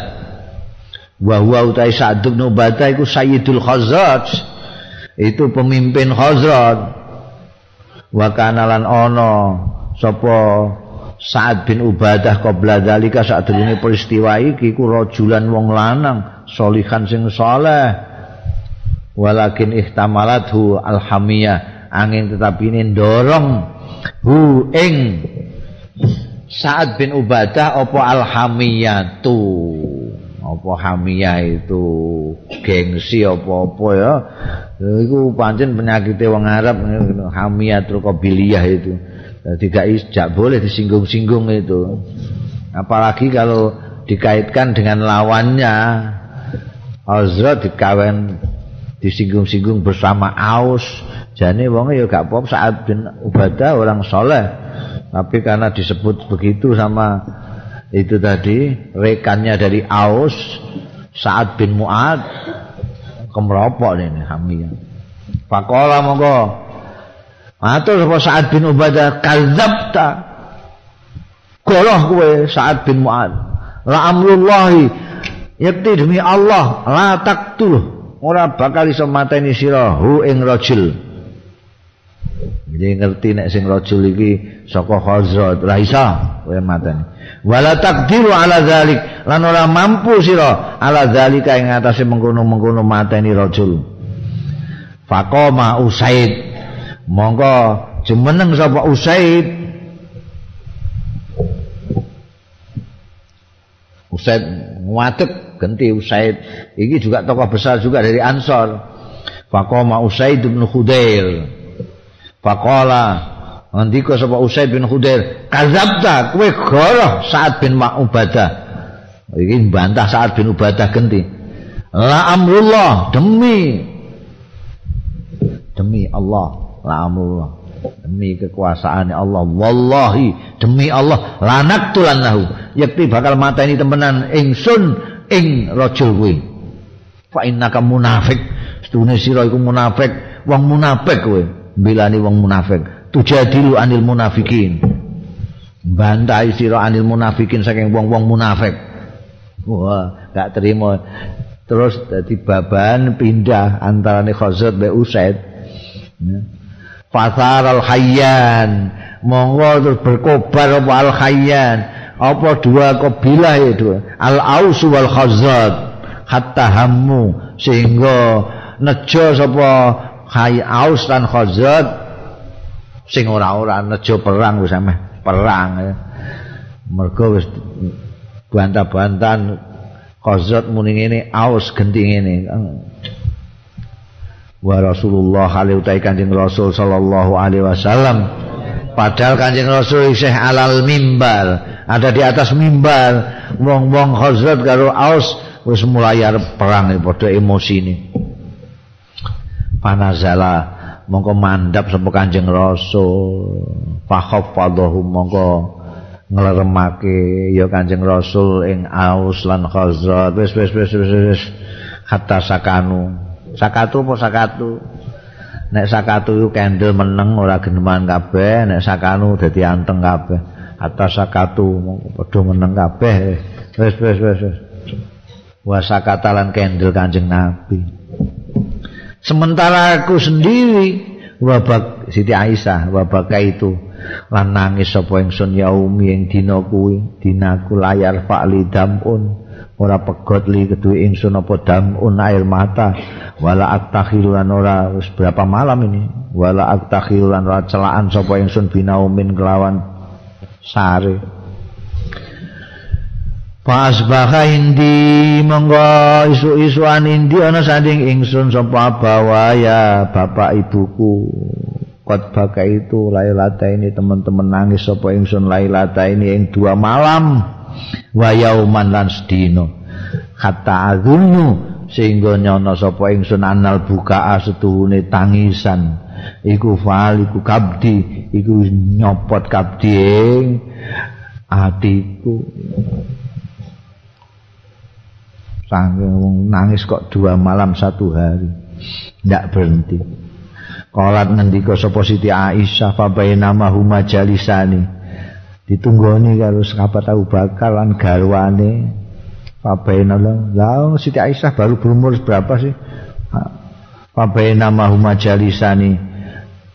Apa nama nalikane huma utawi abawaya iku jalisani pinarak karone indi ana sanding ingsun. wa ana khale utawi ingsun iku abki nangis sapa ingsun. Il istadzanat imraatun minal ansar. Dumadaan jaluk izin kula nuwun sapa imraatun wong wedok minal ansar saking ansar. Fa'adzin tulaha mongko ngidini sapa ingsun laha maring imraatun minal ansar. Fajalasat mongko lungguh sapa imraatun minal ansar. Tabki melok nangis sapa imraatun maisatane ingsun. Dadi kula nuwun niku mak pengen roh terus melok nangis. Roh. Sebabnya netrane Siti Aisyah wong malam satu hari Pabaina ma pabaina nahnu lan nalikane utahi kita iku kadzalika kaya mengkono mau aku nangis wong wedok kan iki nangis ditunggoni bapak ibuku. Dadak iltakhala dumadaan mlebet sapa Rasulullah Kanjeng Rasul sallallahu alaihi wasallam. Pajalasa moko pinarak sapa Kanjeng Nabi walam yajis lan ora tahu pinarak kanjeng nabi indi ana sanding ingsun min yaumi kilafia sejak dina diomongake via tentang ingsun apa ma barang kila kang diucapake qabla sadurunge Adurunge ra tau Kanjeng Nabi kok pinarak jejeri aku. Sejak mulai aku dibicarakan digosipkan orang. Waqat maka tasahron la yuha ilaihi. Lan teman-teman kendel Kanjeng Rasul sallallahu alaihi wasallam. Sahron saulan la yuha ora diwahyoni apa ilahi Kanjeng Rasul fi sa'ni ora diturunake wahyu ilahi marang Kanjeng Nabi fi sa'ni tentang perkaraku apa saeun suwi-wiji sebulan dilalai kok gak ada wahyu. Biasanya ana masalah-masalah ngono terus wahyu tumurun bar wis rampung. Nah iki ngantek sak wulan gue gere kaya ngono kok gak ana wahyu blas. Qalat fatasahada dawuh sapa Siti Aisyah fatasahada mongko syahadat sapa Kanjeng Rasul asyhadu alla ilaha illallah syahadu anna rasulullah. Summa qala mongko keri-keri dawuh sapa Kanjeng Rasul sallallahu alaihi wasallam Ya Aisyah tu Eh Aisyah Amma ba'du Sawisi aku sadat Fa innahu mongkostuni kelakuan Balagoni angka Wis sampai ning ni ing ingsun angka tentang angki tentang siramu apa kaza wa kaza. Saya dengar tentang dirimu begini begini begini. Balagoni itu saya dengar tentang kamu begini begini begini. Fa ing kunti mongko lamun ana sira ana iku bariatan lebaran tidak bersalah. Pas fasayu bariukallah la fasayu bariuki mongko bakal bebasake ing sira sapa Allah Gusti Allah nek kowe pancen ora bersalah Allah akan menentukan kau tidak bersalah. Wa ing kunti lamun ana sira iku almamti ternyata pancen dosa kowe nglakoni dosa sira. Fastaghfiri mongko njaluk ngapura sira Allah ing Gusti Allah. Wa tubi lan tobat sira ilahi marang Gusti Allah. Fa innal abda mongko stune kawula. Ida tarofa tetkalane ngakoni sapa kawula. Bidzambi kelawan dosane kawula. Summa taba mongko njaluk tobat sapa kawula. Taba mongko nrimo tobate sapa Allah Gusti Allah alaihi ngatasé kawula. Kowe nek pancen bersalah ya kowe njaluk ngapura. Tobat kawula iku nek ngakoni kesalahane tobat ning Gusti Allah ditampa. Palamma qadha mongko bareng rampung sapa Rasulullah sallallahu alaihi wasallam. Ngrampungi makalah tau ing pengendikane Rasulullah kala sodami langsung mampet apa dami air mataku. Nangis dua malam satu hari bareng mireng dawuh Kanjeng Nabi langsung mampet mampet dami air mataku hatta ma ukhissu sehingga orang rasa sapa ingsun minhu saking dami orang rasa kotrotan ing setetes pun. Ndak merasakan ada setetes pun air mata lagi. Wa qultu li abi an matur sapa ingsun li abi marang bapakku Abu Bakar Siddiq. Ajib kula aturin jawab jenengan ani makili saking kula Rasulullah yang kanjeng Rasul sallallahu alaihi wasallam. Kala dawuh sapa sekapat Abu Bakar ramane wallahi demi Allah ma'adri aku ora ngerti ma ing apa aku lu sing arep tak omong nali Rasulillah marang Kanjeng Rasul sallallahu alaihi wasallam. Fi makola ing dalam pengendikan kala kanggo sendawuhake ya Rasulullah. Bapak jawab ngono Aku enggak ngerti aku ameh piye meh jawab apa niku Kanjeng Rasul. Rasul Rasul ngendikan ngono ya. Fakultu mongko matur sapa ingsun li ummi maring ibuku. Ajibi jenengan Bu jawab ani makili kula saking kula. Rasulullah ing Kanjeng Rasul sallallahu alaihi wasallam bima ing dalam barang kala ingkang ngendikan Kanjeng Rasul. Kolat dawuh sapa Umi garwane Siti apa? Garwane Abu Bakar Siddiq ibune Siti Aisyah. Wallahi demi Allah ma'adri aku ora ngerti. Ma ing apa aku lu? Jawabi sapa ingsun di Rasulillah marang Kanjeng Rasul sallallahu alaihi wasallam. Ramane gak gelem makili ibune gak gelem makili ya. Kolat ngendika Siti Aisyah wa ana utawi ingsun nalika iku jariyatun hadisatus sinni bocah wedok sing enom umure isih enom la aqra'u katsiran. Ora maca sapa ingsun katsiran ing akeh minal Qur'an saking Qur'an. Aku durung maca akeh Qur'an. Fakultu tapi tak wanek-wanekno matur wong bapak ambek ibu gak kersa. Moko matur sapa ingsun? Ini sak temene ingsun wallahi demi Allah. Lakot alim tu. Yakti ngerti sapa ingsun. Kula sampun ngertos anakum sedune panjenengan sedaya. Sami tum sami mireng sampean sedaya. Maing barang tahaddasa sing ngomongaken bi kelawan ma sapa annasu tiang-tiang. Kula pun ngerti nek jenengan pun midhanget sedaya gosipe tiang-tiang. Nantek wawa qara fi anfusikum lan pun membekas. Nah. Ma tahaddasa binas fi anfusikum ing dalem awak-awak dhewe sampean sedaya. Wong diomongno tiyang kata sampean bolak-balik krungu mesti ini sedikit banyak dengan pun mulai terpengaruh. Wasaddaqtum lan benerake jenengan sedaya bi kelawan ma tahaddasa binnas.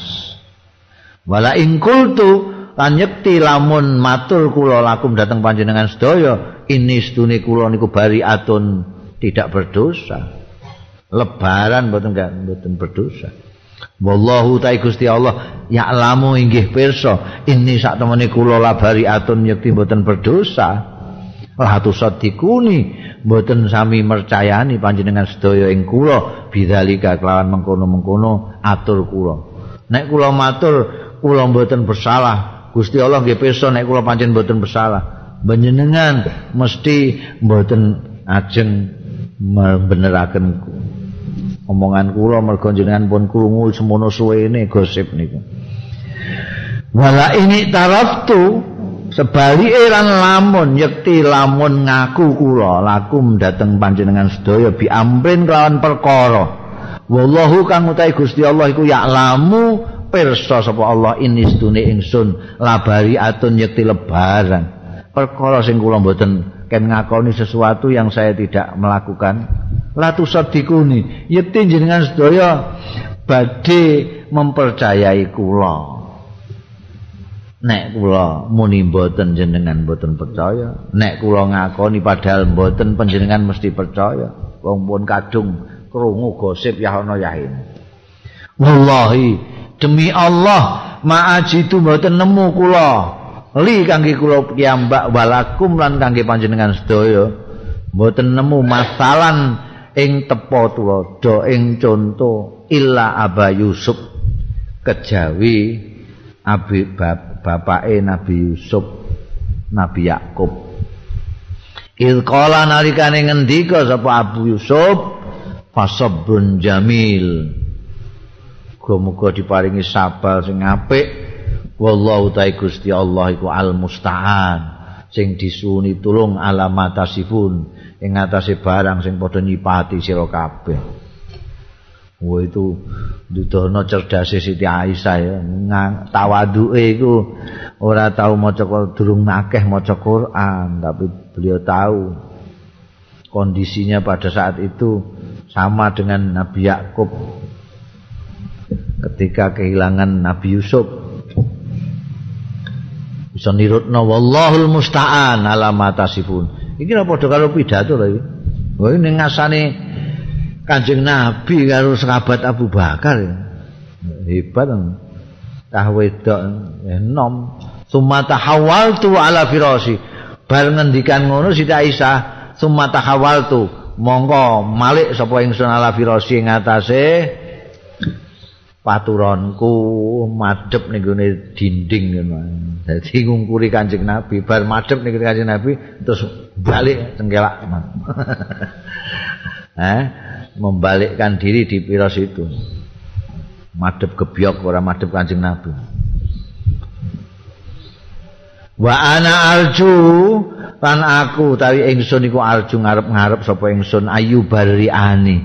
Yen to membebaskan menyatakan saya tidak bersalah. Sapa Allah Gusti Allah. Walakin angin tetapi ini wallahi demi Allah madonantu ora nyono sapa ingsun. Aku pancen mengharapkan Allah menurunkan wahyu yang membebaskan saya. Menganggap saya memang tidak berdosa. Tapi demi Allah madonantu ora nyono sapa ingsun. Ayun zila yen to nurunake sapa Allah fi tentang perkaraku iki nurunake wahyan ing wahyu Aku ya kepengin Gusti Allah dhewe sing dawuhi Kanjeng Nabi nek aku iki ora bersalah. Tapi saya tidak menyangka sampai turun ayat tentang saya. Wala ana ahqaru fi nafsi. Lan nyekti tawi ingsun iku ahqaru luwih hina iki tawaduke meneh. Luwih empreh fi nafsi ing dalam awak ingsun. min ayutakal lama yen to dibakas sapa ing bil Qur'ani kelawan Quran apa fi amri perkara ingsun wong aku wae kok ngantek dibakas ning Quran walakin angin tapi ini kuntu ana sapa ingsun iku arju sing tak arep-arep menamung ayaro yen to supeno sapa Rasulullah sallallahu alaihi wasallam mirsani sapa Rasulullah sallallahu alaihi wasallam fin naumi ing dalem sare mirsani ru'yan ing impen yubari uni sing membebaskan ya ru'ya ing ingsun sapa Allah lah sing bebasno ingsun sapa Allah Gusti Allah biar kelawan ru'ya mau. Saya tidak mimpi kalau ayat yang turun saya cuma sekedar ingin saya dibebaskan lewat mimpi kanjeng Nabi ngono ae lho. Dadak turun ayat. Fa wallahi ma Rasulullah majisau.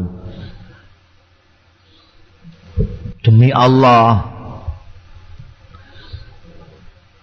maroma ora ninggalake sapa Rasulullah sallallahu alaihi wasallam majlisau ing majlise Kanjeng Rasul tempat pinaraane Kanjeng Rasul. Wala kharaja ahadun lan ora metu sapa ahadun seorang pun. Min ahlil bait sange ahlil bait. Ning kamar kono kabeh. Hatta anzalallahu alaihi sehingga tumurun apa nurunake sapa Allah Gusti Allah alaihi ngatasé Kanjeng Rasul al wahya ing wahyu. Di Kanjeng Nabi masih duduk di tempatnya Sahabat Abu Bakar dan garwani saya di situ, perempuan Ansor masih di situ, Ali Bait masih di dalam kamar semua. Turun wahyu. Fa akhadhahu makana ya'khudhu minal buraha monggo nya nyalap ing Kanjeng Nabi ngeneki ing Kanjeng Rasul sallallahu alaihi wasallam apa mabarang karena kang ana Yoma iku yakhudu ngeneki yoma ing Kanjeng Rasul bayani minal murburoha nyatane apa keringatan keringatan kaya gemetaran Kanjeng Nabi kalau dapat wahyu itu terus Drodok kabeh terus keluar keringatnya besar-besar. Buraha itu. Hatta innahu la yatahaddal minhu sehingga setune kelakuan la yatahaddal yakti padha gemblender minhu saking Kanjeng Rasul apa mislul juman minal arab kaya permata-permata apa jenenge? Kaya mutiara-mutiara minal araki saking eh keringete Kanjeng Rasul fi yaumin satin ing dalem dina musim dingin. Musim dingin niku nek ketekanan wahyu Kanjeng Nabi itu. Buroha itu. Ingat banyak sampai koyok mutiara-mutiara. Falamma Surya mongko bareng tersingkapkan an Rasulillah saking Kanjeng Rasul sallallahu alaihi wasallam. Telah lepas dari itu semua sudah wahyu sudah turun. Wa huwa halutai kanjeng nabi ku yathaku gumujeng kanjeng nabi. Pakana mongko ana apa awalu kalimatin? Kawitane kalimat takallama biha kang ngendikaake sapa kanjeng nabi biha kelawan awalu kalimatin iku angkola yen to ngendika kanjeng nabi limarang ingsun Ya Aisyatu, e Aisyah, ikhmadillah, mujiya sira wadon ing Allah, faqad barra'akallah. Monggo teman-teman membebaskan sop kaing sira sapa Allah Gusti Allah. Faqalat li ummi, monggo ndawuhi limarang ingsun sapa ummi mbokku ibuku. Kumi. Endang kaki ngadeg nduk. Ila Rasulillah maring Kanjeng Rasul sallallahu alaihi wasallam. fakultu mong matur sapa ingsun. Lak mboten. Ana apa? Aku aku. Lak wallahi demi Allah la aku mu ilai mboten ajeng jumeneng kula ilahi dhateng Kanjeng Rasul. Wala ahmadu. Lan mboten badhe muji kula illallah kejaba Gusti Allah. Ngono iku rase mboten kula mun dituduh sing ora-ora wa anzalallahu mongko nurunake sapa Allah azza wa jalla. Innal ladzina ja'u bil ifki usbatum minkum. Tak temene wong-wong sing ja'u padha teko ya wong-wong bil ifki kelawan gosip iku usbatun sekelompok orang mingkum saing sira kabeh al ayatin terus dhewe ngayat Falamma anzalallahu azza wa jalla. Bareng nurunake sapa Allah azza wa jalla hadza. Ing dawuh iki fi baroati ing dalem ketidakberdosaanku kebebasanku. Kala ngendika sapa Abu Bakar Siddiq ngendika sapa Abu Bakar Siddiq wa kana lan ana sapa sahabat Abu Bakar Siddiq iku biasane yumfiku nafakoi sapa Abu Bakar Siddiq alam mistahibni usata selalu memberi kayak memberi gaji nafkah itu nafkah yang permanen. Biasa kata Abu Bakar orangnya lomo banget. Jadi termasuk diantara yang selalu dinafkah itu adalah Mistah bin Usata mergo ya isih kerabat likorobatihi krana kekerabatane Abu Bakar Siddiq minhu saking Mistah utawa likorobatihi sebab kekerabatan Mistah minhu saking Abu Bakar Siddiq. Tapi setelah ayat itu turun, sahabat Abu Bakar ngendika, "Wallahi demi Allah, la umfiku ala Mistah sayan." Wis aku ora bakal nafakoi neh ala Mistah ini ngatasi Mistah sayan ning apa-apa abadan selawase. Ba'da makola sakwise barang kola kang ngucapake sapa Mistah gosipna anak kuli Aisyah tamarang Aisyah. ini melok-melok nuduh-nuduh Aisyah. Wis serarep nafakoi neh selawase aku. Hmm. Rasudi. Hmm. Pak Anzala mongko nurunake sapa Allah Gusti Allah Azza wa Jalla. Wala ya'tali ulul fadli minkum wasa wala ya tali aja sumpah sapa ulul fadri wong sing duweni keluwihan punya kelebihan mingkum saking sira kabeh.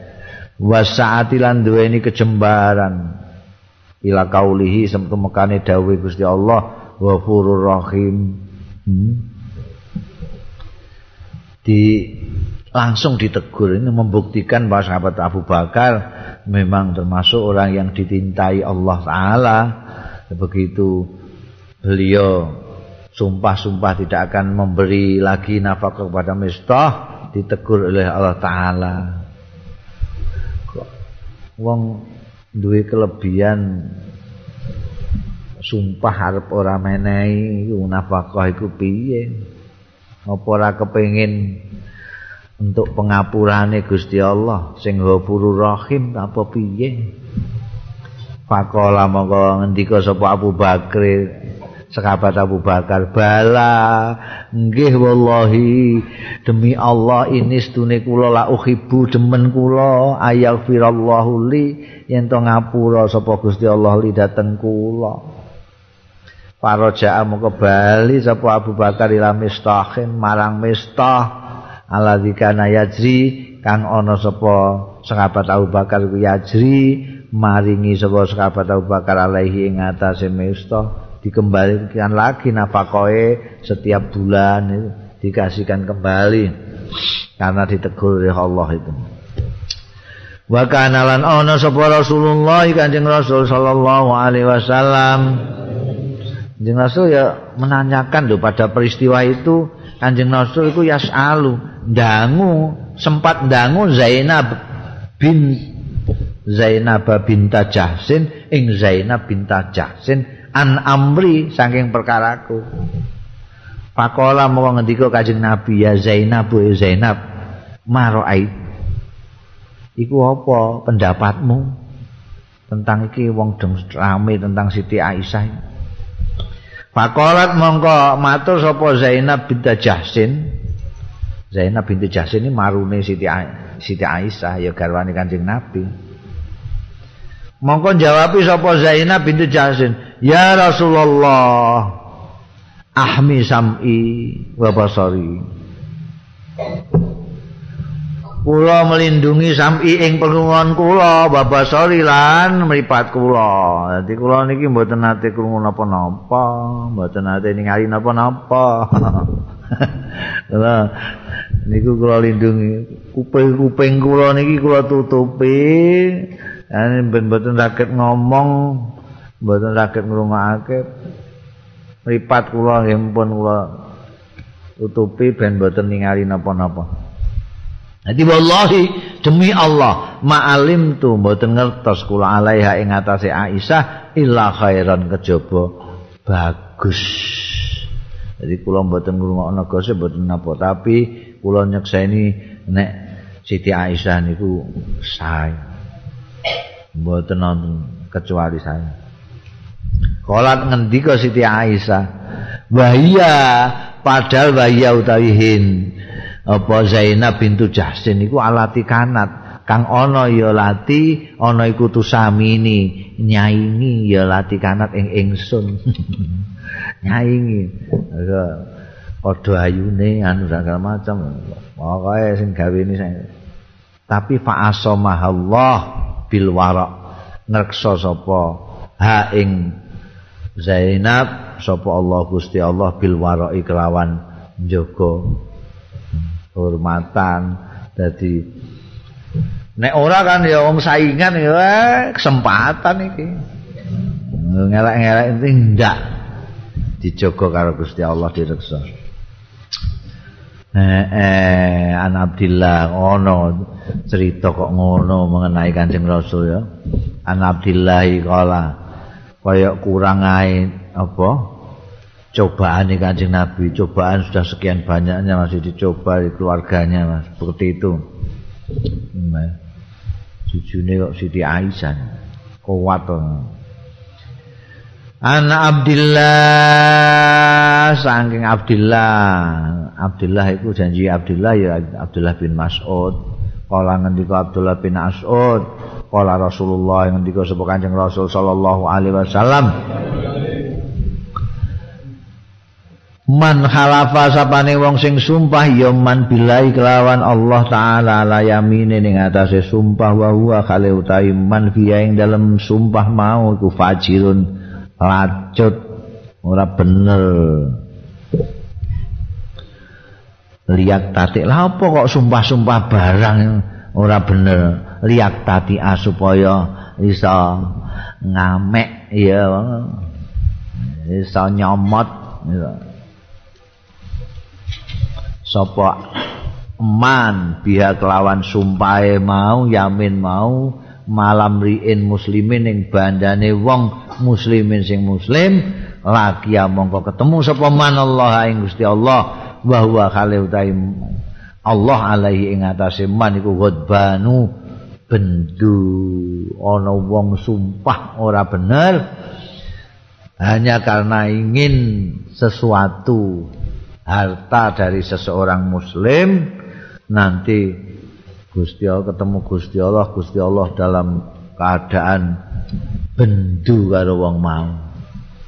Umpah wallahi wallahi perlune bentuk sesuatu dari seseorang.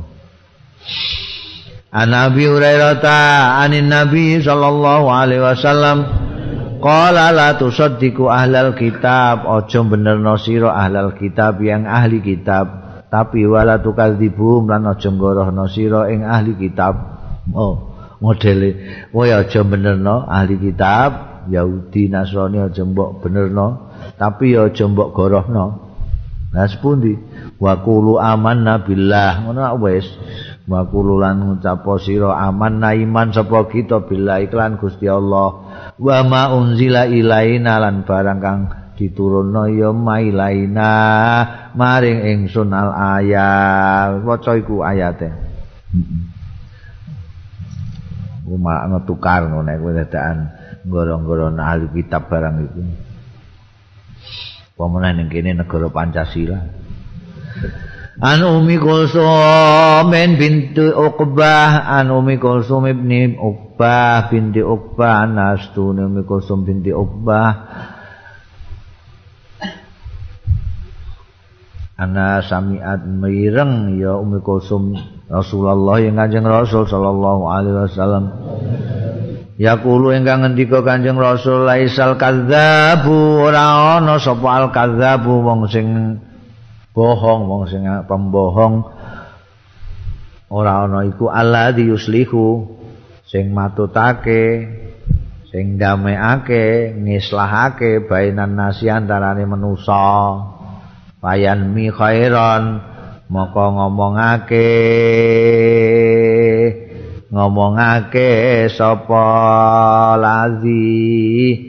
Khairan ing bagus. Au yakulu khairan. Au sakun minar rawi. Apa yanmi apa yakulu? Tapi sing jelas terusé khairan. Yanmi khairan apa yakulu khairan? Yanmi itu iku gandengane karo yunmi. Anma yunmi iku maknane ngomong ning wong nggo ngedu wong. Omongan sing nggo ngedu wong. Eh kowe diingi ditantang-tantang karo anu. Ngono iku an mayunmi nek dinggo mengadu domba iku bahasane Arab an mayunmi nek dinggo is ngislahake wong iku nama yanmi. Maknane padha ngomonge tapi nek iki ngomonge beda karo wong adu-adu. Nek adu-adu ngono mau ngomongi kowe dirasani jarene potongane wong ngono iku nek gak ditempiling. Muni ngono mbek kowe. Iya engko sing kono dikandani nek kowe ditantang mbek anan akhirnya terus tukaran iku an mayunmi omongan sing kono iku tapi nek yanmi nama yanmi ki ngomongnya gak ngono jadi ora kirim salam ra apa ora ngelem apa kowe terus kondo karo kancamu sing lagi tukaran A mbek B tukaran kowe mara ning gone A Ya, aku dingin ketemu Mbak B. Ya kenapa? B. Ndek ini rumangsa menyesal. Anu, duwe kesalahan mbek sampean iku. Kirim salam. Ndek tapi ndek ini rada isin nang njaluk maaf iku piye. Ya iya, iya. Padahal ora ngono. Engko B ya mbok kandhani ngono. Biasane an. Iku kepengin ketemu karo suwe-suwi kowe. Iki ora goroh ngene iki ora termasuk goroh. Mergo kanggo ngislahno wong tukaran. Omongane iku jenenge nama Yanmi. Kosok wangsule anma yan nek mau omongan nggo ngedu wong, nek iki omongan kanggo mendamaikan orang. Nama yang ya. Jadi nek ana wong tukaran kandhani, aja kok malah mbok Anma Yunmi Yun. Saiki ngene wartawan-wartawan niku ana dua tokoh tukaran niku terus parani sitoke. Gimana?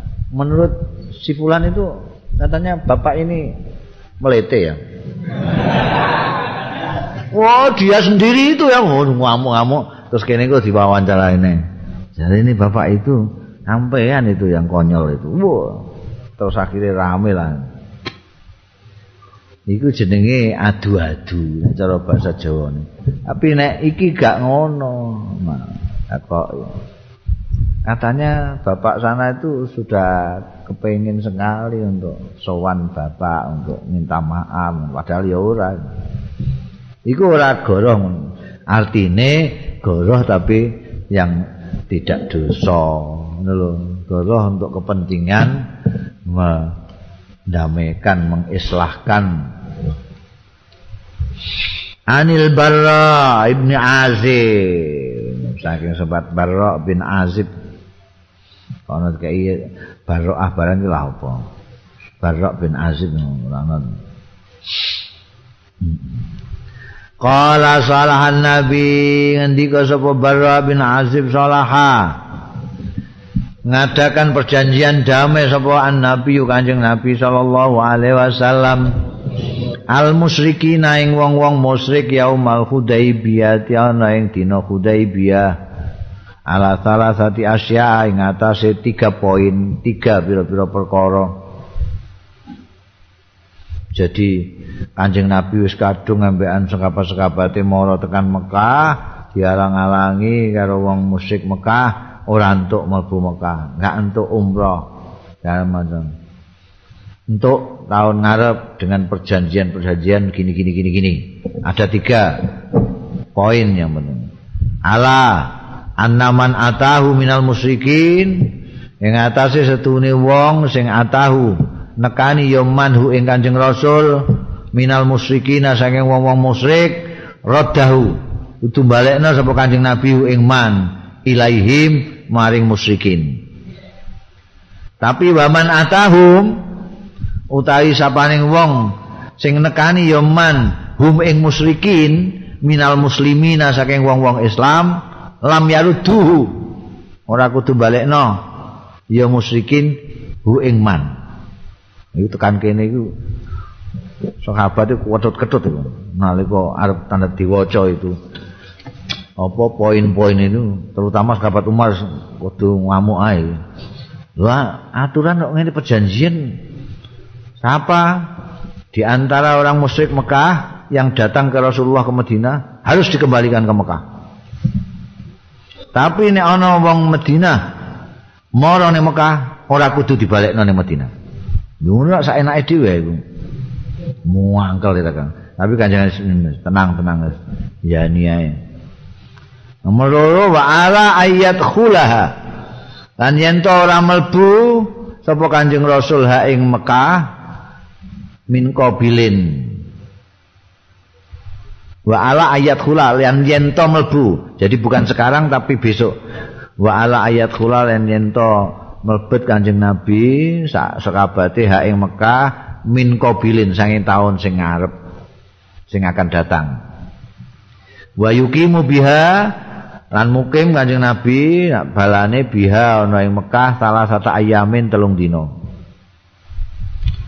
Dan ketiga walayat khuluha. Walayat kulan ora kena mlebu Kanjeng Nabi ing Mekah illa bijulubani sila. Kejaba kelawan sarung senjata juluban. Saif pedange sak warangkane wal kaus lan gendewa wa nahwihima iku juluban juluban silah itu gitu. Jadi ora mau terima anu ora mau terima sarung pedang sing mau ngene tok juga tapi ana gombyok-gombyoke macam-macam isine ya ana pedang ya ana gendewa jemparing dan macam-macam blati sak piturute itu.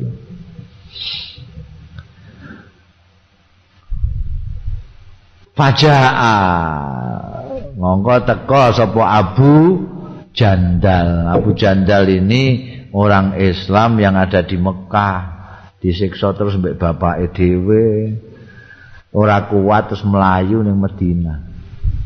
Yah julu melayune iku kecincukan sikil siji ngono kae mergo apa mergo fikuyudi ing dalem bandanane Abu Jandal dia masih dalam bandanan itu. Jadi kecincukan. Bayang no ke Mekah tekan Madinah kecincukan ngono kuwi. Mergo ditaleni bapak dhewe. Ditaleni bedal melayu dalam keadaan sikile isih ditaleni. Bareng tekan Madinah paradahu. Balekna sapa Kanjeng Rasul? Hu ing Abu Jandal ilaihim marang wong musyrik. Balik bu we balik Masya Allah Kanjeng Nabi kula niku to mereka disiksa nggih mboten karu-karuan kula mereka kula niku kecincukan talinan iki engklek kok Mekah tekan mriki kok kan mangsul Lah yang perjanjiane ngono Abu Jandal, eh perjanjiane ngono. Kowe sing sabar ya. Engko sedelok engkas. Sedelok engkas ya ora suwe kok, wis Sabar, sabar.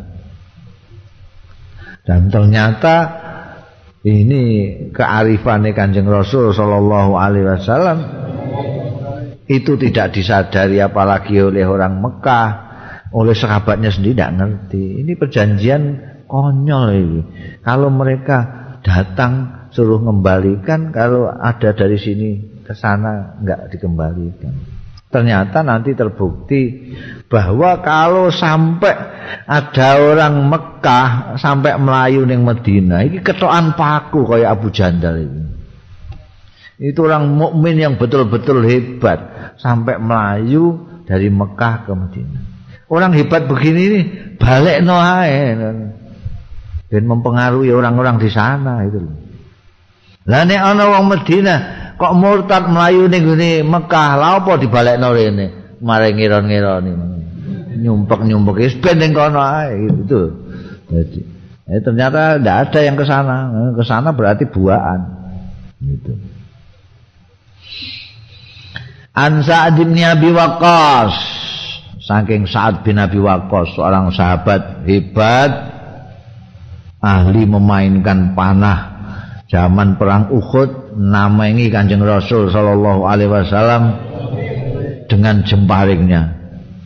Wong-wong sing nggawa jemparing didhawuhi Kanjeng Nabi wehna saat wehna saat kabeh. Iki sing nggawa jemparing uncalan ning arepe saat.